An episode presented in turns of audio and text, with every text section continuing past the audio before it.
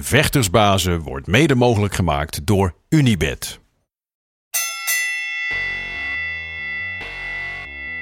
It's time for Vectorsbazen!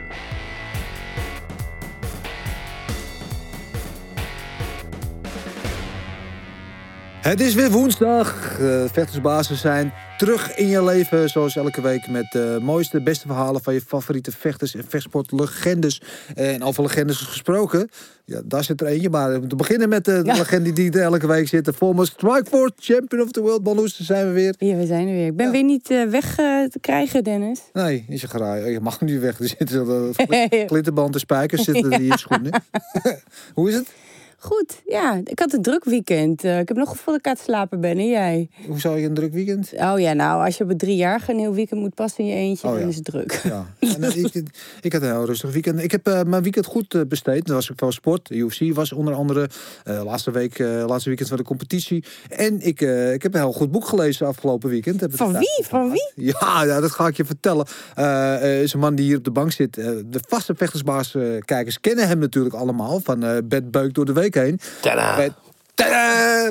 Ehm, eh, de misschien de niet vaste eh, vechtersbazenkijkers, maar wel vechtsportvolgers kennen hem natuurlijk als ja, worstellegende. De, een van de beste worstelaars die Nederland ooit heeft gehad. Eh, en hij heeft een nieuw boek geschreven. Dat is het boek wat ik heb gelezen. Dat heet ook gewoon Kops. Want we hebben het natuurlijk over Bed Kops. De enige echte. Ja. Hoe ik je er bent, Bed. Nou, ik eh, bedank dat ik hier weer mag zitten. Ja. Ja, dat is al bijna traditie, hè? Ja, ik eh, ben bijna een recordhouder, eh, geloof ik, eh, om hier te zitten. En dat vind ik wel leuk eigenlijk. Ja. Het is de vierde keer buiten al mijn tada, booms. Dus ik, ja. Eigenlijk ben je net zo'n vast onderdeel eh, van de show door de jaren heen als dat wij dat zijn. Ja. ja. En Mike? Ja. En Mike is ook eh net zoveel, misschien nog één keer meer dan mij. Dus Ja, dan moet je zeker nog een keer terugkomen om Ja, het gelijk weten. te trekken. 100% eh, eh, als de bestseller wordt het boek, dan kom ik zeker terug weer natuurlijk. dan moet ik wel. Dat is de, de sportman in jou die altijd voor het hoogste gaat. Eh, Ja. Daar gaan we het straks allemaal over hebben. Ook over je boek uiteraard. Eh, maar zoals elke week beginnen we de show met eh dekking laag. Onderdeel waarin we jou eh, een tiental stellingen eh, gaan voorleggen. En dan mag je lekker snel je- eentje of een andere kiezen. Niet te lang over nadenken, lekker spontaan. Ik zou zeggen, Bert, ben je er klaar voor? Ik ben er klaar voor. Gaat-ie. Eh, de eerste. Kops of kops? Kops. Dacht ik al dat ik het ging zeggen. Worstelen of MMA? Wauw. Heel dicht bij elkaar. Worstelen. Trainingsbeest of levensgenieter? Levensgenieten. Purmerend of Amsterdam? Ook heel dicht bij elkaar. Amsterdam. Smoking of camping smoking? Camping smoking. Boef of kwajongen? Qua jongen. UFC of Bellator? UFC. Gaan we het zo ook, zeker nog even over hebben zometeen. Gebakken ei of biefstuk? Weer heel dicht bij elkaar. Biefstuk. Eh, plek waar kampioenen gekweekt worden? Of plek waar iedereen zich geliefd voelt? Waar iedereen zich geliefd voelt. En de laatste, tevreden of niet alles eruit gehaald? Tevreden. Mooi. Eh, ja, die, die ene die plek waar kampioenen gekweekt worden, of wat jij zegt, is nou de plek waar iedereen zich eh geliefd voelt. Dat gaat natuurlijk over de sportschool Kops. Waar ook een groot deel van het boek zich natuurlijk afspeelt. eh, wat Ja. net over jou, of wat deze de week gaat verschijnen, moet ik zeggen. Ehm, ja, want dat is het. Want dat, als je dat, dat weet ik natuurlijk. En ik ken jouw gym natuurlijk ook goed. Dus begrip in Amsterdam al 36 jaar lang. Ja. Een plek waar veel grootheden uit sport hebben getraind. Waar veel kampioenen vandaan komen. Maar het is ook een plek, het is een beetje af en toe een soort sociale werkplaats. Waar alles door elkaar heen loopt. En eh, Ja. alle- gadingen, alle lagen van de bevolking. Ja, maar ik denk ook dat het eh, heel goed samengaat. Ik denk dat het heel, dat het gewoon met elkaar te maken ook. Als je uh, Gegard Moussassi neemt, Peter Aas neemt, Joval, al die toppers die bij me geweest zijn. Ja, die genieten ook gewoon van, van de sfeer bij ons. En ja, Gegard zeker, dat weet ik. ja, Peter ook trouwens. Die vonden het gewoon geweldig bij ons. Het zijn ook, het zijn ook heel leuke gasten natuurlijk, om mee te beginnen. Maar die vonden het gewoon ontzettend leuk dat het bij ons zo gezellig is. En dat iedereen leuk met elkaar omgaat. Dus ik denk dat het heel goed samengaat. Is het iets wat jullie, eh, jij en je vader bewust eh, voor hebben gekozen? Of is het gewoon vanzelf ontstaan? Nou, dat is zelf ontstaan. En ik denk dat het toch wel een klein beetje met mijn persoontje te maken heeft. Ik ben best wel een opgeruimd figuurtje. En eh, ik hou wel van gezelligheid en gekkigheid en, en leuk. Ik hou niet van die hele strakke, weet je, die lijntjes en dit. En eh, er worden maar geintjes gemaakt. En, eh, ja. en iedereen is gewoon welkom bij mij. Of je nou eh, één been hebt, of je zo'n dikke buik hebt. Of je de buurman bent, of je bent een wereldkampioen. Dat maakt voor mij helemaal geen reet uit. Ben je altijd zo geweest? Ja, toch wel. Ja. Ik ben best wel opgeruimd persoontje eigenlijk wel. En, Ja, maar ook dat iedereen erbij hoorde. Was het iets wat je van huis uit hebt meegekregen? We Ja. weet ook wat je vader heeft gedaan voor ja. het worstelen tijdens de Olympische Spelen. Zullen we even op dat verhaal, want ik, ik, dit vind ik een heel belangrijk verhaal om te vertellen. Eh, voor de mensen die het nog niet weten, eh, luister nu even goed. Kan je, kan je er wat over vertellen? Ja, mijn vader was natuurlijk een ontzettend goede worstelaar. was echt een legende. Die was gewoon, gewoon zo top. En als klein jongetje, ja, vijf jaar, zes jaar, dan ging ik mee de worstelwedstrijden kijken. Zat ik bij Chris Dommer op schoot. En, eh, meneer Ruska, Willem Ruska. Maar ik zag mijn vader altijd worstelen. En die, die pakte iedereen op en die gooide iedereen neer. En dat vond ik zo geweldig. Dat wou ik ook. Ik was net zo goed als hem. Misschien zelfs nog beter. Dus eh, ja, mijn vader was ja, echt een supertopper. En in 1972 had hij zich gekwalificeerd voor de Olympische Spelen. In 71 al eigenlijk natuurlijk. Als enige Nederlander. En terwijl we echt veel goede Nederlanders hadden hoor, in worstelen. Maar die oude had zich eh, bij de wereldtop eh, genesteld. En die ging dus eh, in 1972 naar München toe. Ja. Maar hij was de enige Neder- Nederlandse deelnemer. En hij kreeg een, eh, een coach mee en chef de keep. Nou, dat was een man van 66 jaar die nooit van zijn leven geworsteld had. Dat was echt een bobo. Oh ja. Dus hij had geen trainingspad, dus hij had niks. Dus hij ging, eh, werd ingedeeld op de, in München, in het Olympisch dorp, op de trainingsmat. Bij de Israëlische ploeg, bij de Griekse ploeg. Ja, en nog een, nog een land, dat weet ik niet meer precies. Dus mijn vader trainde elke dag met het Israëlische team eigenlijk. En het waren gabbertjes van hem geworden. Al twee weken lang, elke dag trainen samen. Hij ging, eh, en niet omdat mijn vader eh, Joods aangelegd is... of dat hij sympathie had ervoor. Nee, dat waren gewoon Sportverbroederd. sportgabbers waren het van hem. En hij zat elke avond in het Olympisch dorp. Zaten ze samen te eten met die jongens. Dus er waren in twee weken tijd... er waren hele goede vrienden geworden van elkaar. Ja, en zeker voor, voor mensen die zelf niet sporten en de contactsport niet gewend zijn. Als je elkaar gaat aanraken, dan vallen allemaal. Dan maak je zeg maar, ik, hoe ik het altijd zeg, is in, eh, in vriendschap heb je altijd van die kleine stapjes en dan hier ben je een keer een vriend. Maar op het moment dat je met elkaar gaat vechten, gaat worstelen, gaat aanraken, gaat bewegen, dan maak je echt van die quantum leaps. Dus Ja, dan, het respect is wel dieper. ja, het gaat veel sneller ook, hè? Ja. En, eh, ja, dus mijn vader die, eh, ja, die had gewoon eh, hele goede vrienden opgebouwd. In die paar weken in München. En op de dag dat mijn vader dus zou moeten worstelen... die zou, zou s'avonds de matten moeten... en s ochtends waren die eh, Palestijnen... die waren binnengedrongen, Zwarte September heette die... En die, zijn, eh, die hebben die, eh, die flat gegijzeld van die Israëlische worstelaars en schermers. En toen hebben ze, uite- uiteindelijk zijn er s'avonds bij het vliegveld elf Israëliërs doodgegaan. Waaronder twee van die worstelvrienden van mijn vader. Ja, mijn vader die zat, zat er doorheen, die zat stuk. Die zat er echt heel zwaar doorheen eigenlijk. En ik kon het gewoon niet opbrengen om die mat op te gaan. En wat ik heel logisch vind. ja. En wat ik gewoon heel belachelijk heb gevonden, dat vergeet ik nooit meer. Dat was die eh, voorzitter van het Olympisch Comité, Avery Brundage. Want er was natuurlijk een eh, plechtigheid de volgende dag in het Olympisch Stadion. Zat iedereen te rouwen. En die Avery Brundage zei, the show must go on. Nou, terwijl er elf doden zijn gevallen in het Olympisch dorp, hè. Nou, dat is natuurlijk bij het gekke.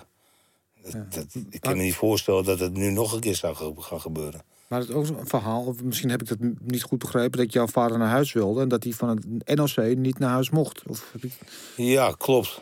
En waren, mijn vader was eh, een van de vijf die naar huis waren. Dat was Paul Litjens.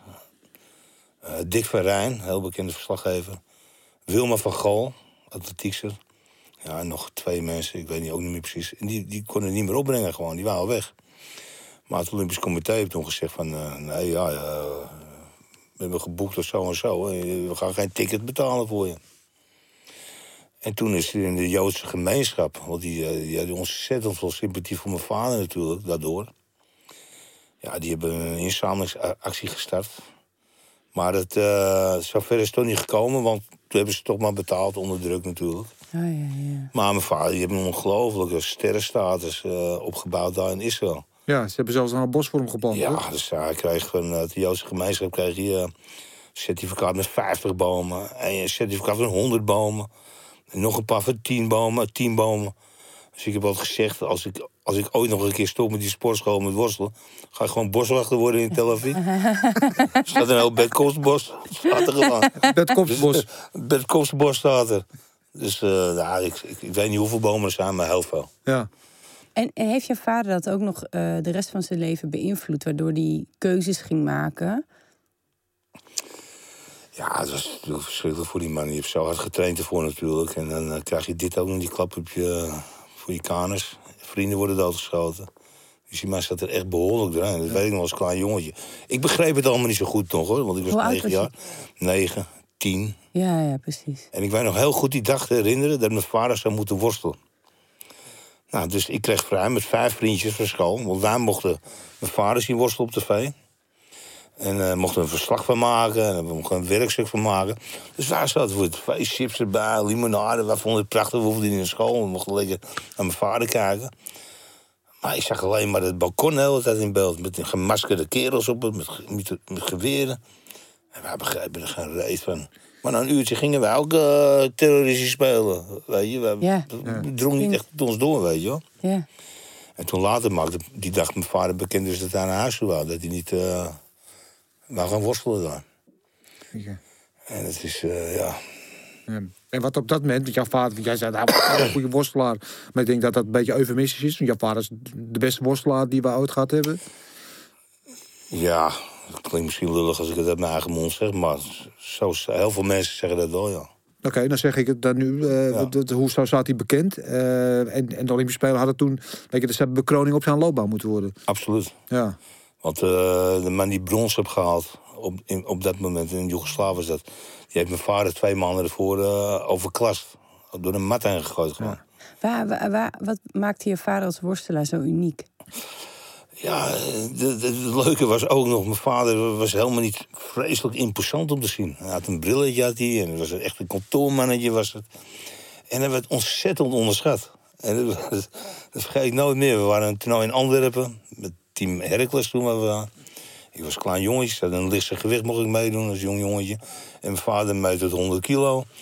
En die moest naar een grote Duitser. En eh, nou, dan kwam mijn vader heel lullig aanlopen. Heel sloom. En die Duitser die kon zo niet met weet je wel. Nou, dan gooi je een bam, vader, bam. Vader gooi je hem mee op zijn rug.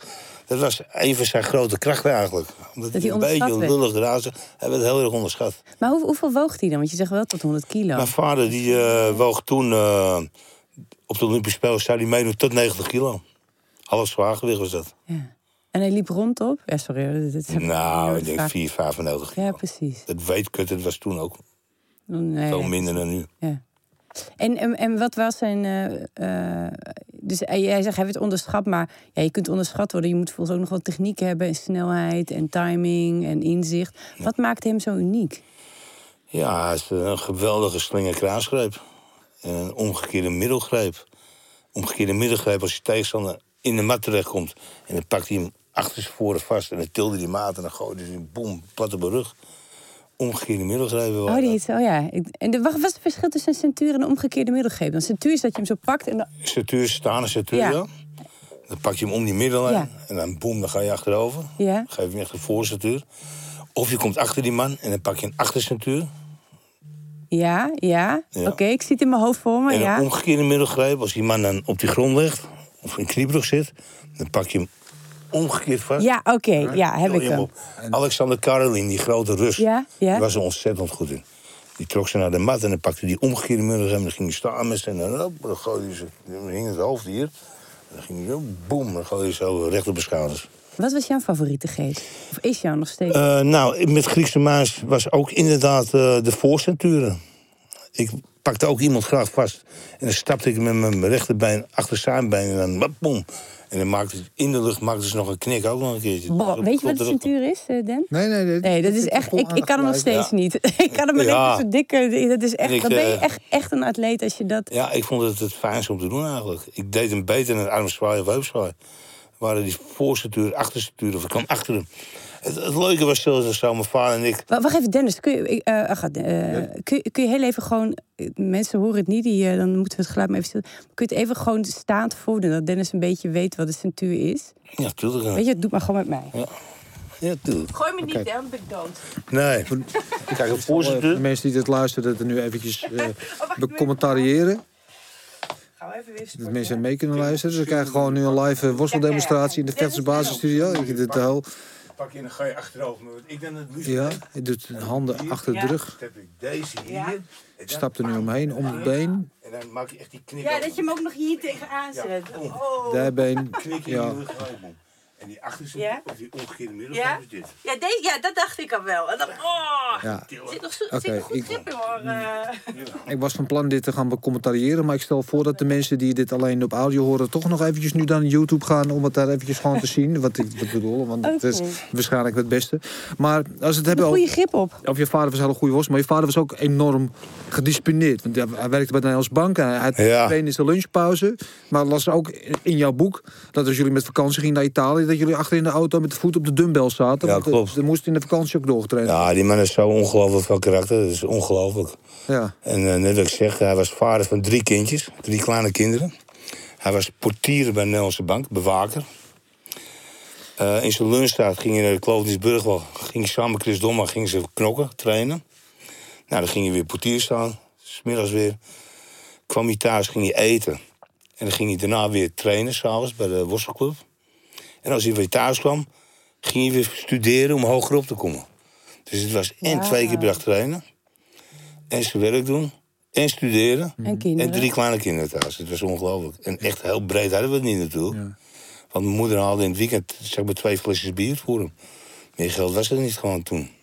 Ja, want, want vandaar dat ik in, ook in dekking laag vroeg van bij jou trainingsbeest of levensgenieter. Zei jij levensgenieter. Ja. Want nou, worstelen met de paplepel ingegoten had ik gekregen natuurlijk. Kon niet anders met zo'n vader. Nee. Eh, je was op je dertiende le- eh, al, al Nederlands kampioen. Dus enorm getalenteerd. Ja.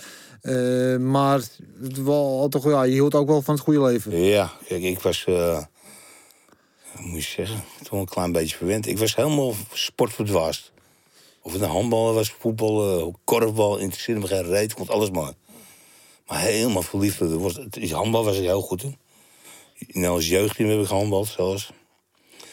Maar toen moest ik een keuze maken.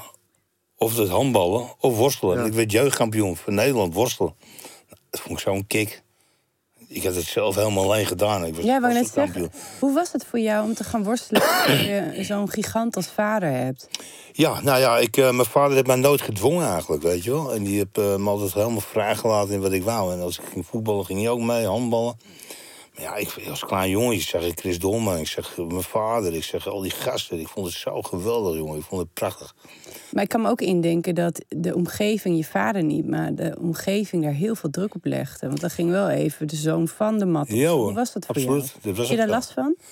Nou ja, wat ik wel heel vaak horen kreeg toen ik 16, 17 was. Ah, je bent nog goed beetje, top hoor. Maar je vader was toch wel, eh, die was wel heel erg goed hoor. Die was nog beter. Of eh, op een gegeven moment later zeiden ze altijd... Ja, maar je hebt alles aan je vader te danken. En ja, maar ik, heb toch, ik ben toch zelf die mat opgestapt. Ik, ik pak toch zelf iedereen. Ja, maar als je vader niet hebt gehad, dan moet je je altijd weggeleid. En nou ja, daar staat ook wel wat in natuurlijk. Maar ik heb het toch zelf moeten doen allemaal. Alleen ja, de mensen. Ja, ik had wel dat. Mijn vader was toch wel beter. Je vader was dit. Weet je, Jordi Cruijff effect. Ja, maar ik had dan wel zoiets van. Ik zeg, nou, lekker dan. Ik zeg, als mijn vader dan beter is, dan kan ik heel erg goed mijn leven. Dat is mijn vader. Die, als die beter dan mij is, vind ik top. Ik zeg, ik vind mijn vader ook de beste zaak dan altijd. En als je mijn vader vroeg van... eh, nou, wie is er nou beter, eh Bert? Dan zei mijn vader, hij. Hij is wel, eigenlijk, hij is veel handiger dan mij. Hij is wel technischer. Dat vond ik ook wel heel... Ja. Was ik heel trots dat hij dat zei. Ja, ja wat mooi. Want ik deed alle stijl. En mijn vader was echt een Griekse maasworstelaar. Ja. Zonder benen. Ja, ja, ja. En ik was heel goed met op de benen, vraagstaal. Maar ook Griekse Maas werd ik kampioen van Held. En ik werd ook kampioen van Held samenworstel. Hey, even over die vrije stijl. Hè. Wat, eh, wat was je favoriete techniek daarin dan, als je naar de benen ging? Ik was eh, ontzettend snel naar die benen toe. En stonden we rechtop en ik, woef, ik maar shoot, ik shootte heel snel door die enkels. Of dubbelleg. En boem, ik trok ze gelijk naar de mat. En als ik op de grond lag, dan was ik ontzettend handig met, eh, met, ja, met allerlei beenklem in, inhaaktechnieken. En dat had ik afgekeken, want ik, ik was helemaal verdwaasd was ik. En we gingen ook altijd naar WK's en EK's om te kijken. En dan zat ik te kijken. En als ik goed zat, dan nam ik die techniek gewoon over. En dan pakte ik ook een... eh, trok die benen dubbel. Ik pakte... ik haakte in. En dat was helemaal nieuw in Nederland eigenlijk. Dat kon helemaal niemand. En ik was er heel handig in. En eh, zo word ik al mijn partij heel erg makkelijk. En het was natuurlijk zo, als jonge jongen, als 15, 16-jarige jongen... ging ik elke dag met mijn vader knokken. En ik had geen schijve kans op een gegeven moment. Toen ik op een gegeven moment 16 jaar was... toen wist ik puntjes bij hem te pakken. En dan zei ik, ah, hou op nou. Nee joh, Bert, je bent zo snel op die benen, ik kan je echt niet tegenhouden. Nou, en als ik dan een kampioenschap van de mat op kwam tegen iemand... en denk ik, oh, daar staat mijn vader, weet je wel. En dan ging ik voluit. Nou, dan won ik in 10 seconden, 20 seconden... dat ik je gozer op de. Ik denk, wauw. Omdat je gewoon met de beste traint. Ja.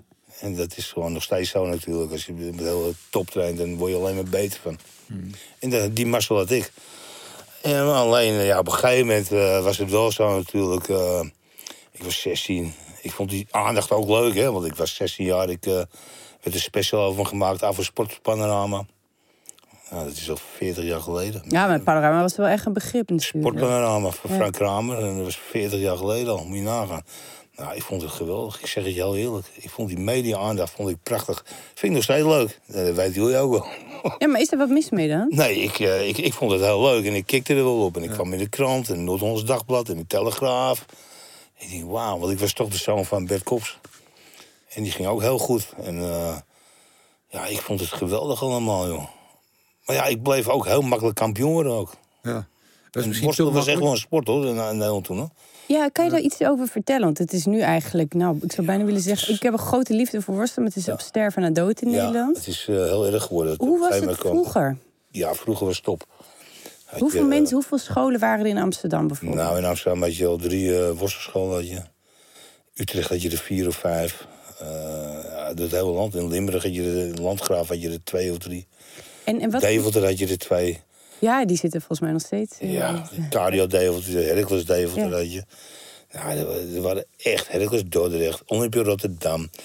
In heel Nederland had je worstelverenigingen. En wat voor mensen deden eraan worstelen? Wat voor types waren dat? Ja, allemaal hele leuke, normale mensen ook.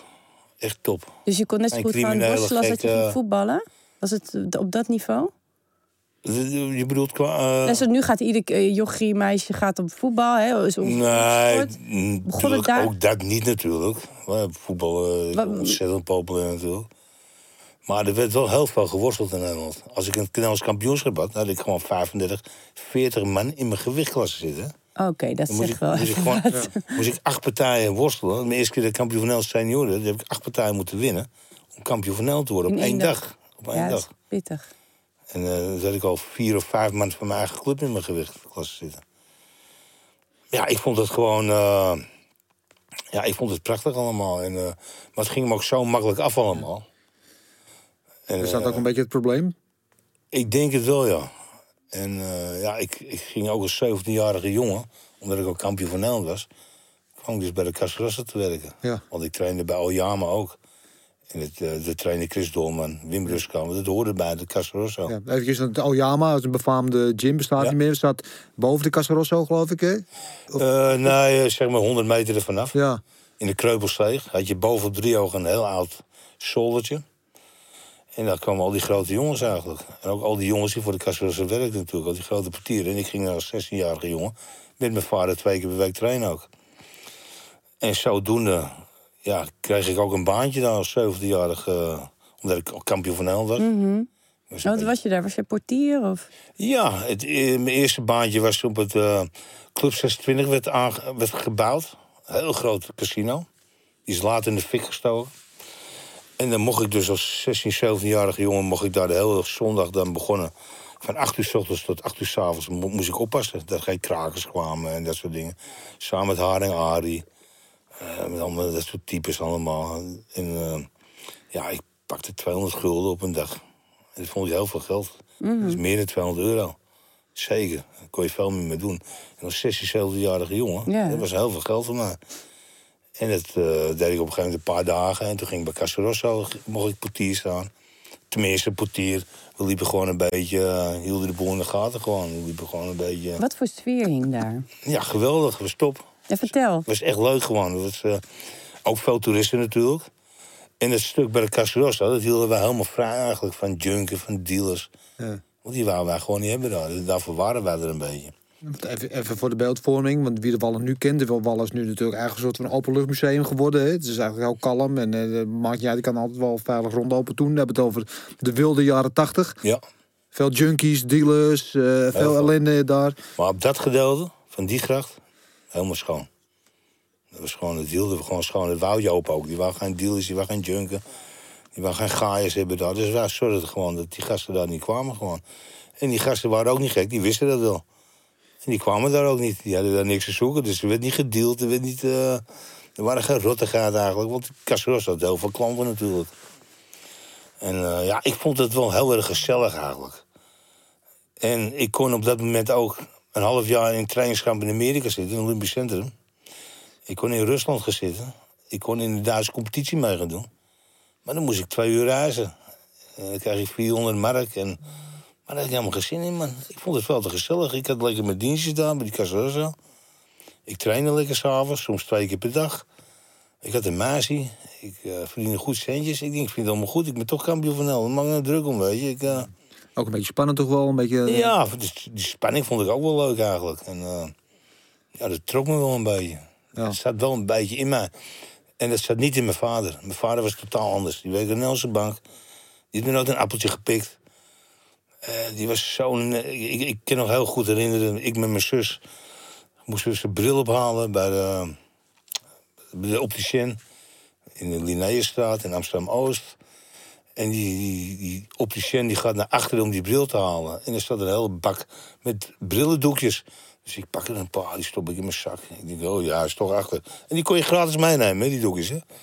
Maar ik nam er gelijk heel stapel. Mijn zus nam er ook wat mee. Nou, s'avonds zaten hier, pa, je bril. Kijk eens, oh, stapels bril. Hij zei, wat is dit nou? Ik zei, ja, die keel ging naar achteren. Wij- Nou, jongen, wij moesten de volgende dag terug. Mijn moeder ging mee. Wij moesten naar binnen en we moesten alles terug en netjes neerleggen weer. En moesten ons excuus aanbieden daar. Nou, ik vond het verschrikkelijk. Ja. We hebben het wel gedaan. Zo eerlijk was die man. Het was eh, Ja. heel anders. Ja, Ik dus dat wel moet hem- maar een beetje... Dat jij daar rondhing op die wallen en daar een beetje toch een beentje liep uit te hangen, stel ik Ja. maar voor. En, eh, dat moet hem een beetje een door in het oog geweest zijn. Ja, hij vond het prachtig. Want, eh, of tenminste, dat we de trainen natuurlijk bij Yama. Maar hij zag natuurlijk ook eh, hoe ik daar eh, in de ronde liep. En eh, als ik langs de meisjes liep, die zaten te werken. En die riep, hey, beetje.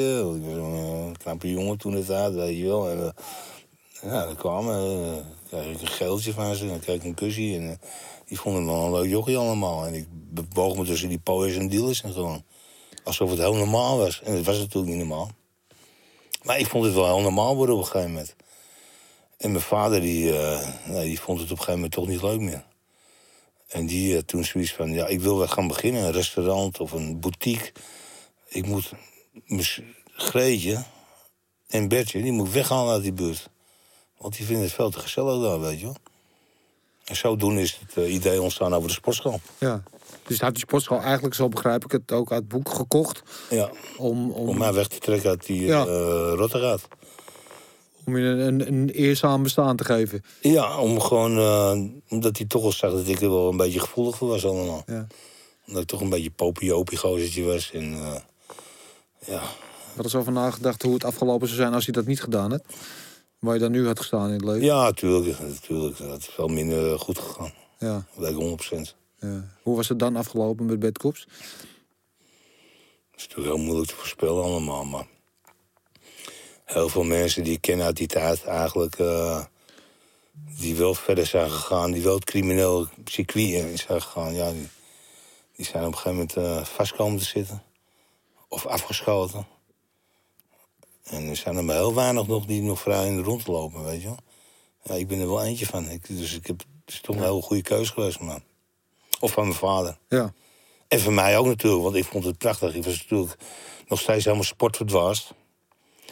Dus ja, wat is het dan niet mooier om een sportschool te hebben? Dat vond ik helemaal wel een kick eigenlijk. ja. En de rest is history. Ja, Eigenlijk, toch? Ja. dat is het. Ja. Ik, eh, ja, ik blijf teruggaan op het worstelen. Kan je ook uitleggen wat nou de schoonheid van worstelen is? Voor jou?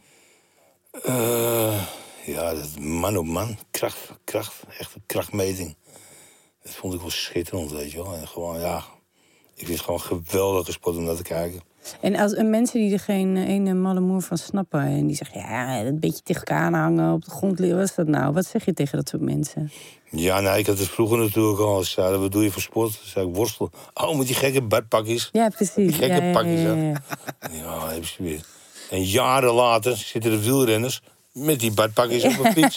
Ja. Je ziet allemaal, al die sporten, dus gaan ze allemaal, hebben ze, om- omdat ze toch wel achter zijn gekomen, dat het heel functioneel was. Ja. Het tricot-achtig. Ja. Daar kun je je broek niet van afzakken. Ja. Dus ze hebben het allemaal overgenomen uiteindelijk op een gegeven moment. Maar wat, wat zei je dan tegen dat soort mensen? Had je zoiets van, ach, Ja, maar, ging er ineens tegen Ja, lekker bedpakje. Ja. Nou, ik, ik, ik- soms schaamde ik me wel eens. Ik denk, ja, ze hebben nog gelijk ook. Een raar pakje eigenlijk. Maar aan de andere kant, ja, ik, vond het, ik vond het schitterend om te zien... als die gespierde kerels op die mat stonden met het tricotje. Ja, ik vond het mooi. Ik vond het geweldig, jongen. Wa- Wat is voor jou, ehm, waar moet een goede worstelaar aan voldoen? Ja, een goede worstelaar moet, eh, moet veel kracht hebben. Souplesse, conditie, techniek. Het is een samenhang van alles. En dat maakt het worstelen ook zo moeilijk. Het is niet alleen kracht.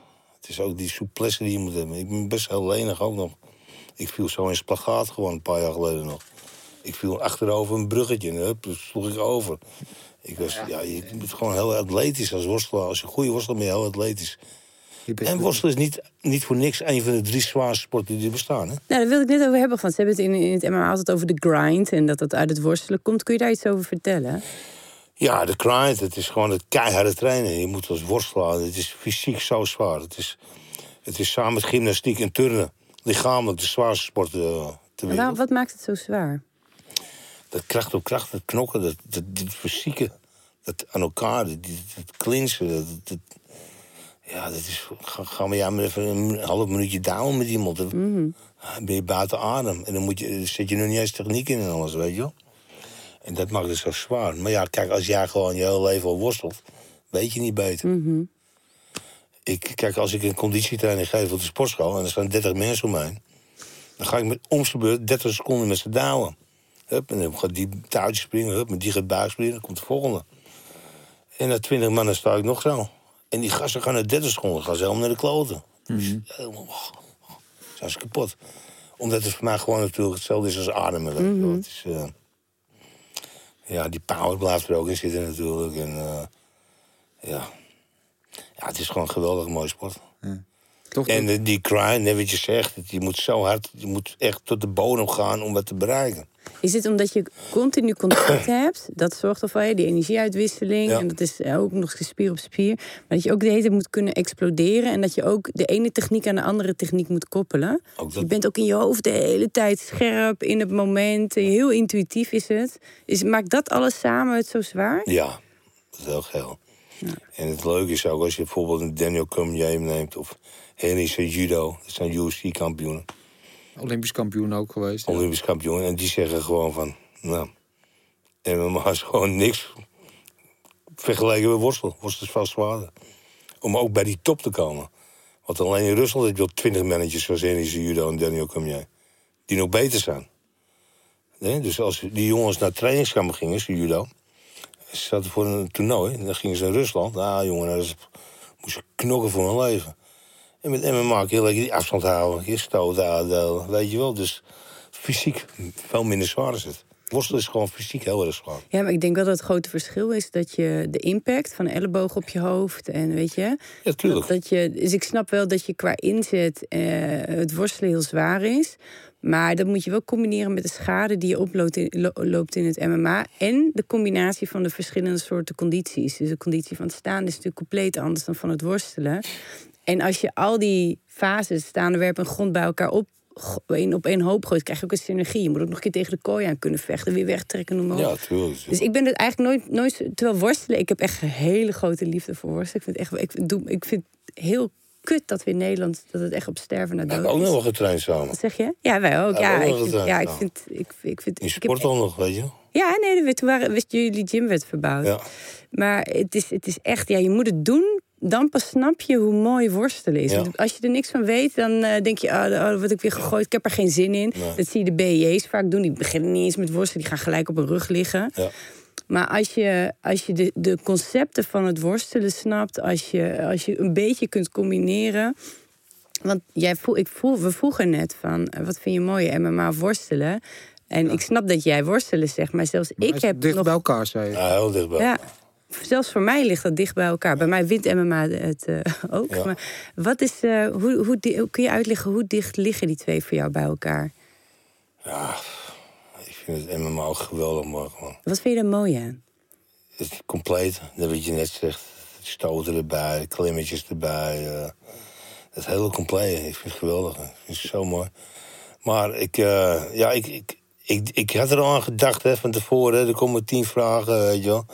Ik wist een aantal vragen, ik denk die ga ik krijgen. Je wordt voorspelbaar. Ik wist het, man. Shit, ja, ik had het op Worstel mijn MMA, game. ik denk die gaat komen. Maar eh, ja, als ik worstel op een WK zie, zeg maar, dan kan ik gewoon urenlang kijken naar die partijen. Ja. Urenlang. En er gebeurt er soms niet veel voor een leek. Maar nogmaals, wij weten hoe zwaar het is. En één misstapje, een dingetje, ja. Ja, ik vind het gewoon geweldig. Ja. Maar nogmaals, MMA, dat vind ik ook super gewoon mooi. hoor. Het is een- Het ligt heel close. Maar jij bent, vroeger, je bent toch ook naar Japan geweest? Ja, ik wou net zeggen, je hebt ook je voet Ja. in het water gedipt. We waren pioniers eigenlijk. Vertel daar eens over. Ik eh, ben de eerste keer in Japan geweest in 1989. En eh, mijn eerste partij gemaakt eigenlijk. Free Fight. heette Was dat rings? toen. Nee, ik, eh, ik, ik, ik was in die organisatie ervoor. Hoe heette die? UWF. UWF. En die was ook eh, onder leiding van Maeda, Akira Maeda.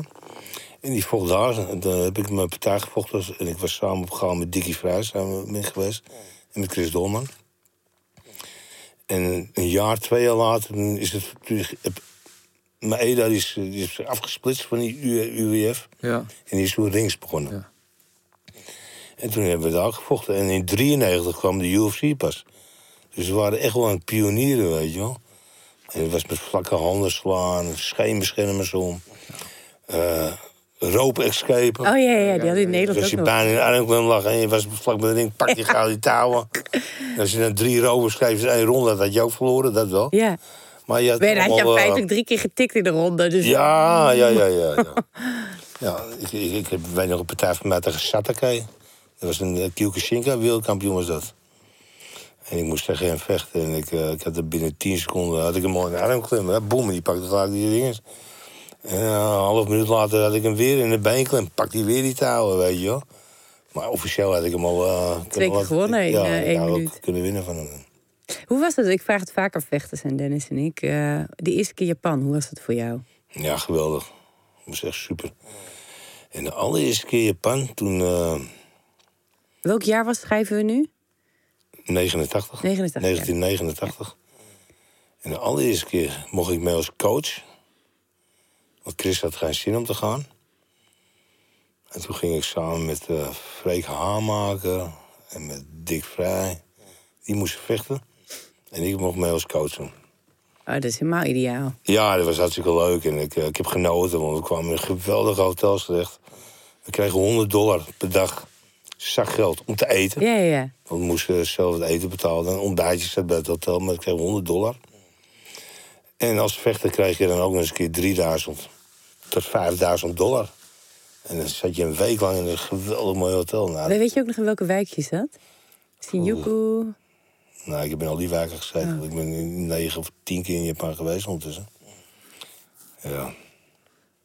Mooi. En hoe deden de Japanners tegen jou? Hoe, hoe was het? Je stapt zo'n vliegtuig uit, compleet in een andere wereld. Wat Ja. was het eerste wat je opviel?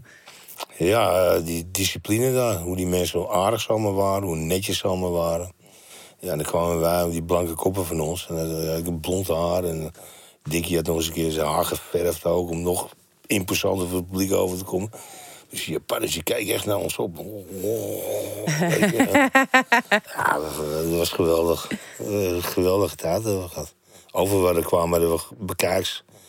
En toen we die wedstrijd daar gaat helemaal natuurlijk. Want eh, je wordt enorm gerespecteerd hè, als vechter dan. Ja. En of je dat won of verlo- verloren, interesseerde ze allemaal niet.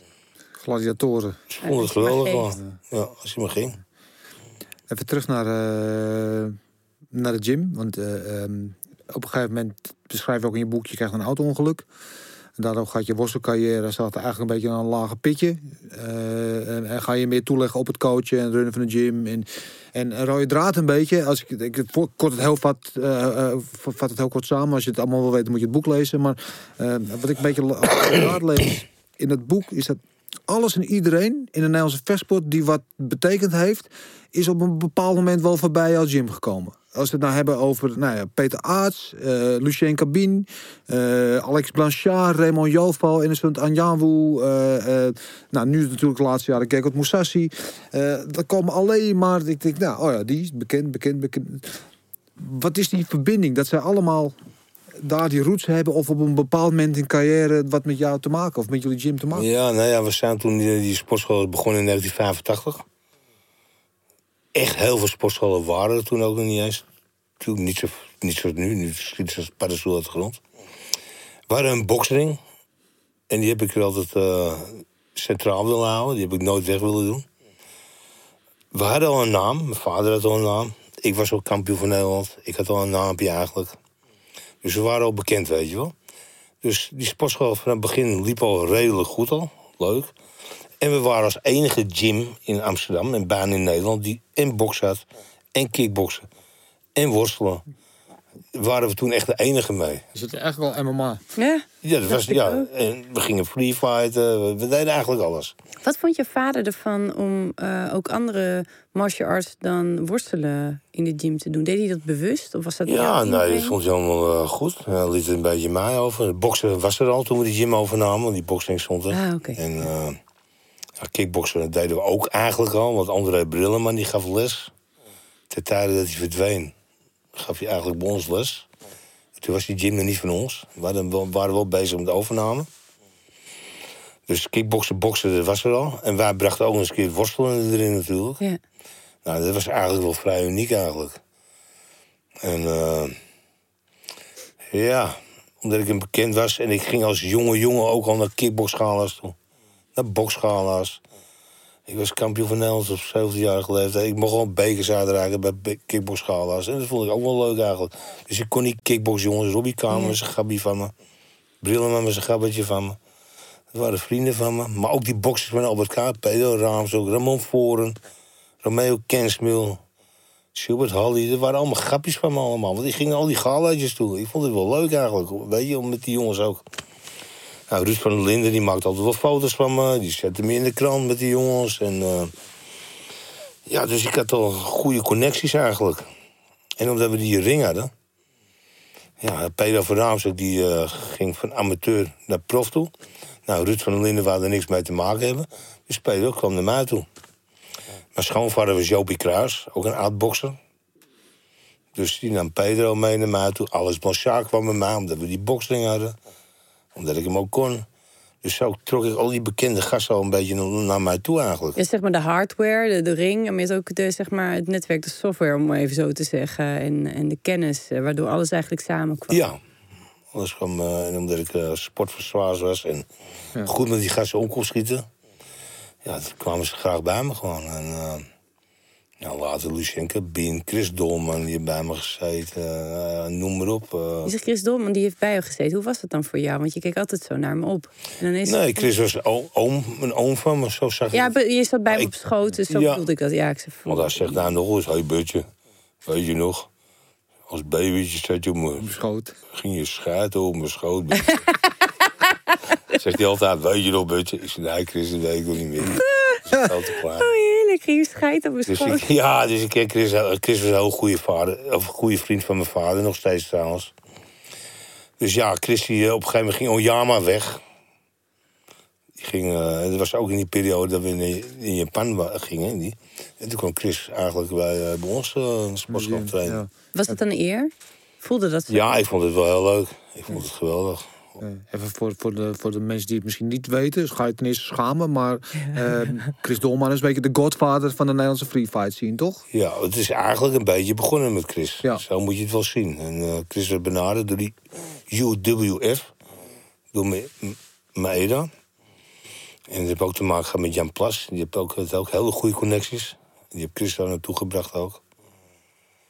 En ja, dus het eh, hele free fight gebeuren, dat begon eigenlijk dus bij Chris. Ja, ik- en dus bij ons. Want Ik kan me nog herinneren dat ik, en ik denk dat ik nou, 15, 16 was of zo. En dan deden we Braziliaanse jiu-jitsu-wedstrijdjes. Ik weet niet, misschien was het in Purmerend of waar dan ook. En dan kwam Chris Dolman kwam binnenlopen. En ik had geen idee wie het was. Ik wist wel, dat is Chris Dolman, dat is Chris Dolman, dat is Chris Dolman. Er was wel echt ontzettend veel respect. Maar wat ik eigenlijk, als ik er nu op terugkijk, nog veel mooier vind... is dat hij ook gewoon bij die BEJ-wedstrijdjes ging kijken. Dat geeft voor mij aan wat voor ontzettende eh, liefhebber van de sport hij is. ja. En, nee, nee, niet alleen stoer doen op de grote gaten. Want hij stond natuurlijk ook met zijn hoofd op de posters. Maar ook gewoon eh, de breedte sport, het laagste van het laagste. Waar, waar, waar we naar pubertjes aan het BJ'en zijn. Daar ging hij ook. En dan ging hij ook Ja. gewoon zitten en kijken. Dat heeft op mij altijd een hele diepe indruk eh, gemaakt. Ja, ook sowieso een intimiderende verschijning, toch? Al? Ja, maar ook dat hij dus... Ja. Ja, maar dat zo'n verschijning gewoon met aandacht ging kijken naar dat soort wedstrijdjes. Dan ben je echt een sportliefhebber. Ja. Prachtig. ja, Chris was alleen niet een mannetje die eh, van publiciteit hield. Chris had natuurlijk heel veel te maken met Casa Rosso natuurlijk. Met beveiliging. Later ook Femina Casino. En Chris was altijd zo van als een verslaggever niet doet. Hé joh, rot op jongen, ik wil het niet. Ik wil geen foto in de krant, weet je wel. En eh, ik had toevallig vorige week een telefoon. Hij zei, je bent je wel trots op joh. Je doet het wel goed hoor. Je wil populair worden, ja hè. Oeh. ik ben niet zo hoor, beetje. Ik wil er niks meer weten. Maar ik weet stiekem dat hij nou toch wel... eh, Hij moet hier- Zou die hier, nou, Hij zou die hier hier een keer willen komen? Ja, dat zou ik heel wel. cool vinden. Ja. Dat zou ik eh, 100%. Bij deze Chris, mocht je het toevallig zien, eh, alsjeblieft. We zouden Oh, het een eer vinden als je ook een keertje wil komen.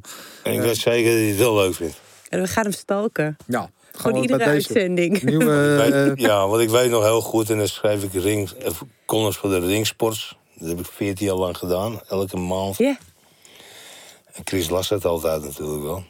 Hé, hey, wat kun je lullen, hè? Met al die columns, hè, van je. Als je mij er maar niet in zit, hoor, Butje. Ik zei, nee, Chris. En een uh, vijf minuten later ging Chris even samen even op de foto met z'n tweeën. en ja, hoor. Die man erop stond Chris in het boekje natuurlijk. Want dan ging hem expres erin gooien.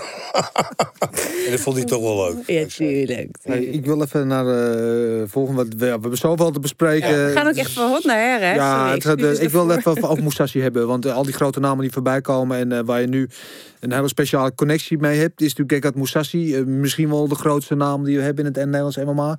Oh, misschien, laat misschien maar weg. Ja, ja, ja in ieder geval eh, een, een, een, een, le- een legende bij het leven en eh, nog in zijn, vol, vol in zijn carrière. Wat is jullie connectie? Hoe is het? Het is natuurlijk eigenlijk, want jij bent heel uitbundig en heel joviaal. Terwijl Gekkat is eigenlijk een beetje meer Ja. teruggetrokken en op Dat zichzelf. is ook eigenlijk, ja. Uh, Kekker, die ken ik al uh, poeh, van het begin van zijn carrière eigenlijk al. En uh, ja, op een gegeven moment ging Kekker in Japan vechten. En toen, uh, ja, toen kwam hij er toch wel achter dat worstel heel erg belangrijk was voor hem. Ja, precies. En dan kwam hij dus mij terecht. En uh, ja, in de loop der jaren zijn we gewoon hele goede grappers samen geworden. En het is gewoon een ontzettend lieve jongen. Een heel bescheiden jongen ook. En het is, hij is zo bescheiden. Als ik bijvoorbeeld trainingspakken Armani pakken liet maken. En uh, zegt, ja, zet er mijn kops op. En ik zeg, ja, kijk, maar er moet ook 10 Musashi op. Ja, maar mij niet hoor. Ik hoef geen Musashi op mijn rug, weet je wel. Hij mag niet eens Musashi op zijn rug. Want- En dat deed ik dus wel natuurlijk, want het staat veel mooier natuurlijk. Maar hij was zo bescheiden, is deze man, weet je wel. Hij, uh, ja, is gewoon een hele lieve jongen. Een leuke jongen, gewoon. Doet leuk tegen iedereen.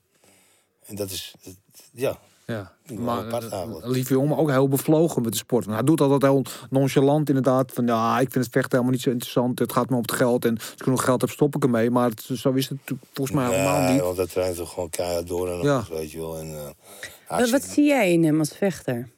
Ja, ik, ik, ik vind, ik zelf, is het gewoon een van mijn favoriete vechters om te zien. Ik vind hem zo degelijk staan, hoe die staat en met die jab. En soms zie je wel eens knokkers in UFC of Bellator en die gaan, die doen dit, die doen, die doen ze dit. Die hebben niet echt een gameplan, maar hij staat altijd gewoon zoals hij staat. En hij is bijna niet te raken, hij heeft een jab. Het is een spons. Want de eerste keer dat ik hem ging worstelen, tilde ik hem op, gooide ik hem neer. De tweede keer, pff, met de grootste moeite, derde keer lukte het me niet meer. ik bedoel, hij pakt het zo snel op allemaal. En, en als je hem als, eh, als, puur als worstelaar naar hem kijkt, wat zie je dan? Ja, dat is, eh, als hij goed getraind is, goed in vorm is, is hij met worstelen ook eh, echt wel goed hoor. Ja, en wat, waarom, wat, is, wat maakt hem dan goed? Vangt dus alles goed op. Maar als hij echt tegen de top van de top komt, dan is het natuurlijk een ander verhaal. Nee, oké, maar, oké, maar voor MMA worstelen, wat maakt hem goed? Nou, zijn grondwerk is ontzettend goed. Hij is echt heel handig op de grond te zien. Dat weten heel veel mensen. Nee, maar worstelen heb ik het nu over, hè? Met worstelen, ja, hij is ook moeilijk naar de grond te halen en alles. En, eh, En hoe komt dat? Ja, dus de trainingen ook. Mede Maar is het zijn stance, is het zijn reactie, heeft- is het Het is een inzicht? reactie, het is een spons. Als hij dat, als je dat getraind, die shooten, dit, het kind pakken. Hij pakt alles heel snel op. Heel snel. Ja. En eh, dit is gewoon zijn grote kracht eigenlijk. En eh, hij is sterk ook. Ja, je ziet het misschien niet aan hem af, maar het is gewoon eh, toch een atleet, weet je wel. Ja, absoluut. Wanneer gaat hij weer vechten? Eh, als het goed is, zou hij in juni gaan vechten. Alleen, hij heeft twee, drie weken geleden heb hij een eh, operatie in zijn knie gehad. En eh, ja, dus daardoor, Wat had hij? Als we ja, is misschien is, is kruisband, een meniscus, gruis, niks bijzonders. Maar hij had gewoon last van. En, Ja, ja, ja. Is, is ja geholpen. schoonmaakoperatie. Schoonmaakoperatie is ja geholpen. En eh, hij traint alweer gewoon, dus eh, morgen is hij er weer. Morgen gaat hij trainen. Maar juni is dus nog iets te snel. eh, Ik ben bang voor wel. Ik ben bang dat juni nu even te snel komt. dat denk ik ook. Als ik het zie. Denk ik wel, want het is al heel snel natuurlijk. Het is niet Ja. eens aangekondigd. Dus Ja. hij heeft echt wel twee maanden nodig ook wel. Weet je. Toen- En was er ook al sprake van een tegenstander? Ja, dat eh, ging tussen misschien John Salter of Oh, die tegen dingen heeft gevochten. Tegen Costello. Costello. Ja. Ja, maar die sloopt hij. Ja, nee, maar ik bedoel, het is wel hè, de Ja. payback time. Ja, precies. Salter, er was sprake van. Er was sprake van, van die Rus Tokov. Eh ja. Maakt niet zo gek van uit houden. Nee, je stapt gewoon in die kooi in. Gewoon En, die eh, kooi, gaan maakt we er niks uit. Ehm, we gaan naar de tijdmachine. Zullen we het doen? Ja? We gaan naar de tijdmachine. Kijk, Bert. Hoppa. I'll be back. Ja, tijdmachine. Ons eh, wekelijkse onderdeel waarin we onze gast, jij dus Bert in dit geval, de kans geven om terug te gaan naar een bepaald moment in jouw leven wat je graag een keer eh, opnieuw zou willen beleven. Kan zijn iets wat je totaal hebt verkloot. Ik zeg dat moet beter. Of het kan ook zijn dat vond ik zo tof. Dat gevoel, die thrill, die wil ik graag nog een keer meemaken. Dus ik zou zeggen, we stappen in. En eh waar stappen we uit? Bam, in 1979. En in dat jaar heb ik in alle drie de worstelstijlen... heb ik een zilveren medaille gehaald op de wereldkampioenschappen. Ja, ja, en daar was ik zo vereerd mee, want ik was eh, op het banket, afscheidsbanket van WK Sambo, was in Madrid. Ja. En er was Wim Ruske bij, Chris Domme was erbij, eh, nog heel veel grote namen.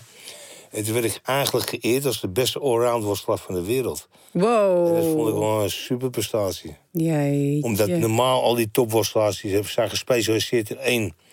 Of in Griekse maas, of in freestyle, of in sambo. En ik heb in alle drie de stijlen gewoon zilver gehaald. Bijna wereldkampioen. Wauw. En toen kreeg ik gewoon zo'n bokaal. Ja, daar was, was ik echt heel vereerd mee. Ja, terecht. beste allround worstelaar. Ja. Ja, en dat, Dat is, En dat ik is wel heel... dat- vergeet ik nooit meer namelijk. Nee. En, eh, ja. Nee.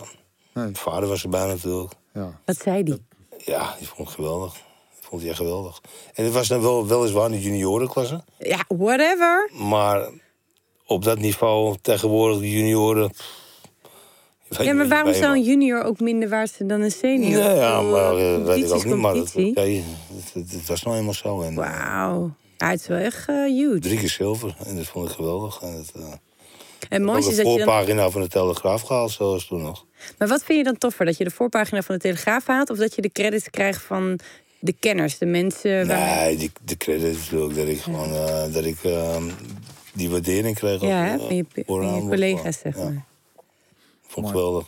Mooi moment. Ja, ja. en dit Ja, wil ik ook. allemaal. Heb je daar nog een foto van ook ergens?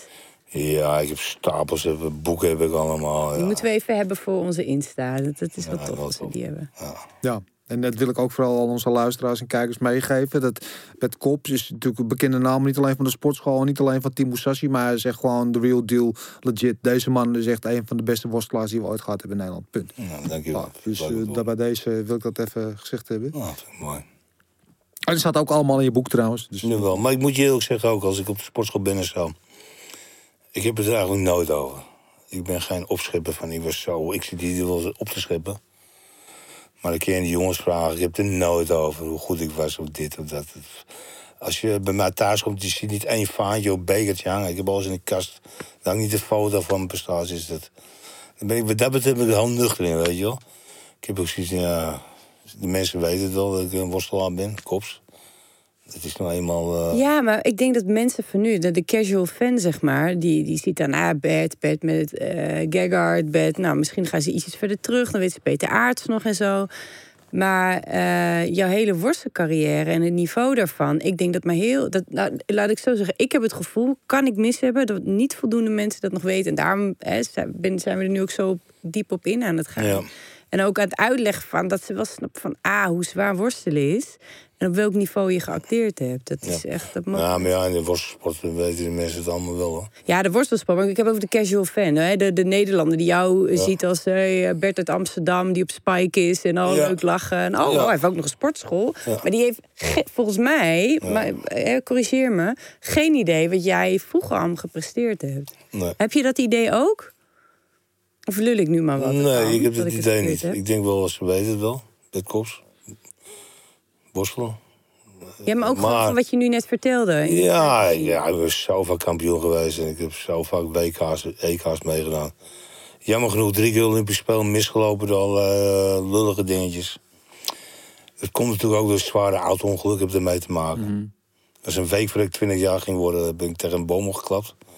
Voor een ziekenhuis in Soesterberg. Ik zat, eh, en dat heb eh, heel veel roet in het eten gegooid eigenlijk, voor mijn carrière. Ik was eigenlijk meer dood dan levend. Eh, been was acht plaatsen gebroken, stak eruit. Kaak zat in mijn nek. Knieën gebroken, enkel, alles was kapot. En eh, zijn, eh, ik heb drie liter bloed verloren. Dus het was echt nog de vraag of ik zou redden in eerste instantie. En toen was er nog de vraag of ze me waren, zouden amputeren. Ik heb een massa gehad met hele goede doktoren. En eh, onder andere professor Matti, een Zwitser. Die heeft ook uh, Michael van Basten geholpen en alles. Ja. En die ging experimenteren en plaat erop, heupen uit mijn heup zagen, strooien. Die heeft alle gekke dingen gedaan, maar het heeft wel goed uitgepakt allemaal. Maar dat heeft natuurlijk wel een hele deuk in mijn carrière opgelopen eigenlijk. Toen je wakker werd, want ik neem aan, dit is allemaal gebeurd terwijl je niet bij bewustzijn Nee, was. bij. het was zelfs je- zo. Het, het, die kaak zit in mijn nek. En zo zat ik eigenlijk. En een- ambulancebroeder, die kwam eruit, het ziekenhuis, die zag het gebeuren. Die heeft die deur opengetrokken, die mijn liggen verhoogd, wel, die me bang in één keer die kaak teruggeslagen. Er kwam al het bloed eruit. En toen kwam ik bij. Ik zeg, ik moet trainen, ik moet trainen. Ik was op weg naar Chris toe. En die jongen zei, joh, rustig, er komt hulp bij. Ik zei, wat? Bang! Die heeft een klap in zijn kanus gegeven. Dus die is ook in een shocktoestand geraakt. Want die denkt, ik word geslagen met een dode. Want het was zo'n... En toen hebben ze me eruit gezaagd. Toen zijn ze uren bezig geweest te opereren. En de volgende dag werd ik wakker inderdaad. En meneer Chris Dolmer stond naast mijn bed. En mijn vader en moeder en mijn zus. Ik zei, hey, Bert, blijf rustig, blijf rustig. Ik zei, rustig? Wat kom jullie nou doen? Jullie komen me nooit wakker maken. Ik snapte er niks van. En toen zag ik dat. eh, Een been omhoog en dit. En... Ja, dat was even verschrikkelijk natuurlijk. Ja. Weet je ook nog, ja, misschien raad ik het vragen, weet je ook nog wat je toen dacht? Ja, ik dacht dat mijn wereld verging, man. Wat is dit, man? En eh, ja, dat, ik was wel natuurlijk eh, zo gedreven was ik toen. En zo goed conditie. Dat ik precies een half jaar daarna eigenlijk, en een week daarna, heb ik mijn eerste partij weer gemaakt in Suriname. Dat was ongelooflijk snel. Wat zeiden de, de doktoren tegen je in het begin? Nou ja, voorlopig even worstelen zat, zat er niet meer in. En eh, ik had zoveel gebroken gedaan. En, eh, En wat dacht jij toen? Ja, ik denk dat het zal lekker worden. Ik, ik was helemaal lijp was ik. Ik was in militair dienst was ik als sportinstructeur. En eh, ja, ik wou weer terug. Ik wou zo snel mogelijk terug. Dus mijn vader had een apparaat aangeschaft van Tjöla Ling. Met elastieken. Dan kon ik overdag gewoon... Want hij moest werken natuurlijk. Ja. Dus ik kon geen gewicht optillen, want ik liep met krukken natuurlijk. En ik kon met elastieken eraan en dan kon ik steeds zwaarder. Kon ik gaan trainen. En eh, nou ja, ik was 16, 17 kilo afgevallen. Omdat mijn kaak gebroken was, ik kon niet eten. Ja? En eh, dat ging ik allemaal weer trainen. Ik ging, elke dag ging ik dippen op zo'n apparaat. En ik wou elke dag eentje erbij hebben. En ik eindigde met 68 keer dippen. Dus zo snel kwam ik weer terug aan spierkracht en alles. Weet je, had je ook nog een bepaald moment dat je dacht: oké, ik ga dit wel redden. Ik, ik ben er nog niet, maar ik weet, ik ga het redden en ik ga ooit weer worstelen. Ja, ik, ik, ik was, ik was 100% van overtuigd. Ik kom weer helemaal terug. Vanaf het begin af aan af. Vanaf ja, ik wou gewoon terug. Ik, eh, kijk, ik was natuurlijk geen baanvakker of stratenmaker. Met alle respect, hè, voor iedereen, hè. Maar die hadden gedacht van, weet je wat, ik laat maar lekker afkeuren. Ik uh, laat het lekker uh, ze beloop. Ja, je was sportman. Maar ik was helemaal, Nee. helemaal laap. Ik wou verder, ik wou terug, ik wou sterker worden. Ik wou weer de mat op. Ik, eh, Ja, en toen... Maar in Suriname had ik wel een moment. Want een precies een half jaar daarna zouden we gaan worstelen in Suriname. Vader was uitgenodigd, ik ook. Maar ik liep nog moeilijk, mijn been ingepakt. Ik ging met mijn vader knokken. Ah, dat ging helemaal niet. Mijn vader zei, ah, er wordt niks meer met je, man. Toen had ik even het idee van, er wordt ook niks meer. En, wanneer was dat? Dat was in Dat was aanloop in naar Suriname. Oh, dat was in In Suriname. Suriname al. Ging daar ging je toch heen voor een wedstrijd? Ja, we waren uitgenodigd om de worstelwedstrijd te doen. Mijn vader zou drie keer gaan worstelen daar. Ik daar gaan eh, eh, twee partijen maken. Maar ja, we gingen ook trainen natuurlijk, overdag. En we kwamen net in een hele rare periode terecht. We waren net drie dagen in Suriname en toen werden die mensen doodgeschoten. December. eh Decembermoorden hebben we ook nog een keer meegemaakt. Jeetje, jouw vader die heeft eh, ook... eh, Ja, en toen werden we s'nachts wakker van het schieten. Zo. Bam, bam, bam. En we sliepen bij de promotor thuis. Aan de overkant van Paramaribo, meerzorg. En die promotor zei, meneer Kopt, meneer Bert, meneer Bert, oorlog, oorlog, de Cubanen zijn er. Maar mijn vader zei, nee, wacht even, dan komt die schoten komen van één kant. Er wordt niet teruggeschoten, van één kant wordt er geschoten, weet je wel. Dat hoorde hij. En de volgende dag bleek het, er werden al die mensen doodgeschoten. En toen was er gelijk een avondklok, samenscholingsverbod. Dus de wedstrijden werden afgelast. Dus, dus wij waren snel mogelijk terug naar Nederland. Maar dat kon dus niet, want iedereen wil terug naar Nederland. En de volgende dag was de heer Bouters op de tv. En eh, ontwikkelingshulp werd stilgezet, stopgezet van Nederland. Omdat het gewoon een moordenaar was, die Bouters. En toen stond die Bouters en wij zaten op de bank, jongen. En die Bouters zei, Nederland is vijand! En die ging helemaal onder die bank liggen op een gegeven moment. Dit, dit. Want wij gingen heel groot in poses door de stad heen. Ik denk, die gaan ons allemaal lopen te gazelen en, eh, om geld te krijgen van Ja? Nederland. Dus ik kneep hem wel een beetje. Ja. Ik begrijp. En hoe lang heeft die situatie geduurd? Nou ja, we, we waren drie, vier dagen toen dat was. En toen eh, moesten we nog een maand blijven. Ja. En toen was ze in Nikeri. Dan konden ze wel dus die wedstrijden door laten gaan. Dat, was, dat waren ze wat soepeler, omdat het ver weg was allemaal. Dus er was geen samenscholingsverbod en eh, geen avondklok. En dan moesten we wel in Nikeri 600 kilometer rijden. Door wegen met gaten en dingen. De jungle. En... En toen hebben we daar dus geworsteld. Toen ben ik eh, tegen de kampioen geworsteld. Hoe ging Aoki dat? Sertim. Jeetje, wacht even. Je hebt net de decembermoorden meegemaakt. Een Ja. half jaar daarvoor Ja. zou, je- was je op sterven en Ja, dood. En dood. daar sta je ineens op die mat. Ja, in Suriname. Met een been helemaal ingepakt. En eh, ik kon niet eens een kniebuiging maken. Dus ik ging eigenlijk gewoon met mijn techniek... Ik ging, ging die jongen opvangen. Dat was een heel sterke jongen. En die wou me aanvallen, shoot. En die ving ik op en dan boem, pakte ik een puntje. Gewoon routine. En die partij won ik op 7-0. 7 7-0 van die jongen.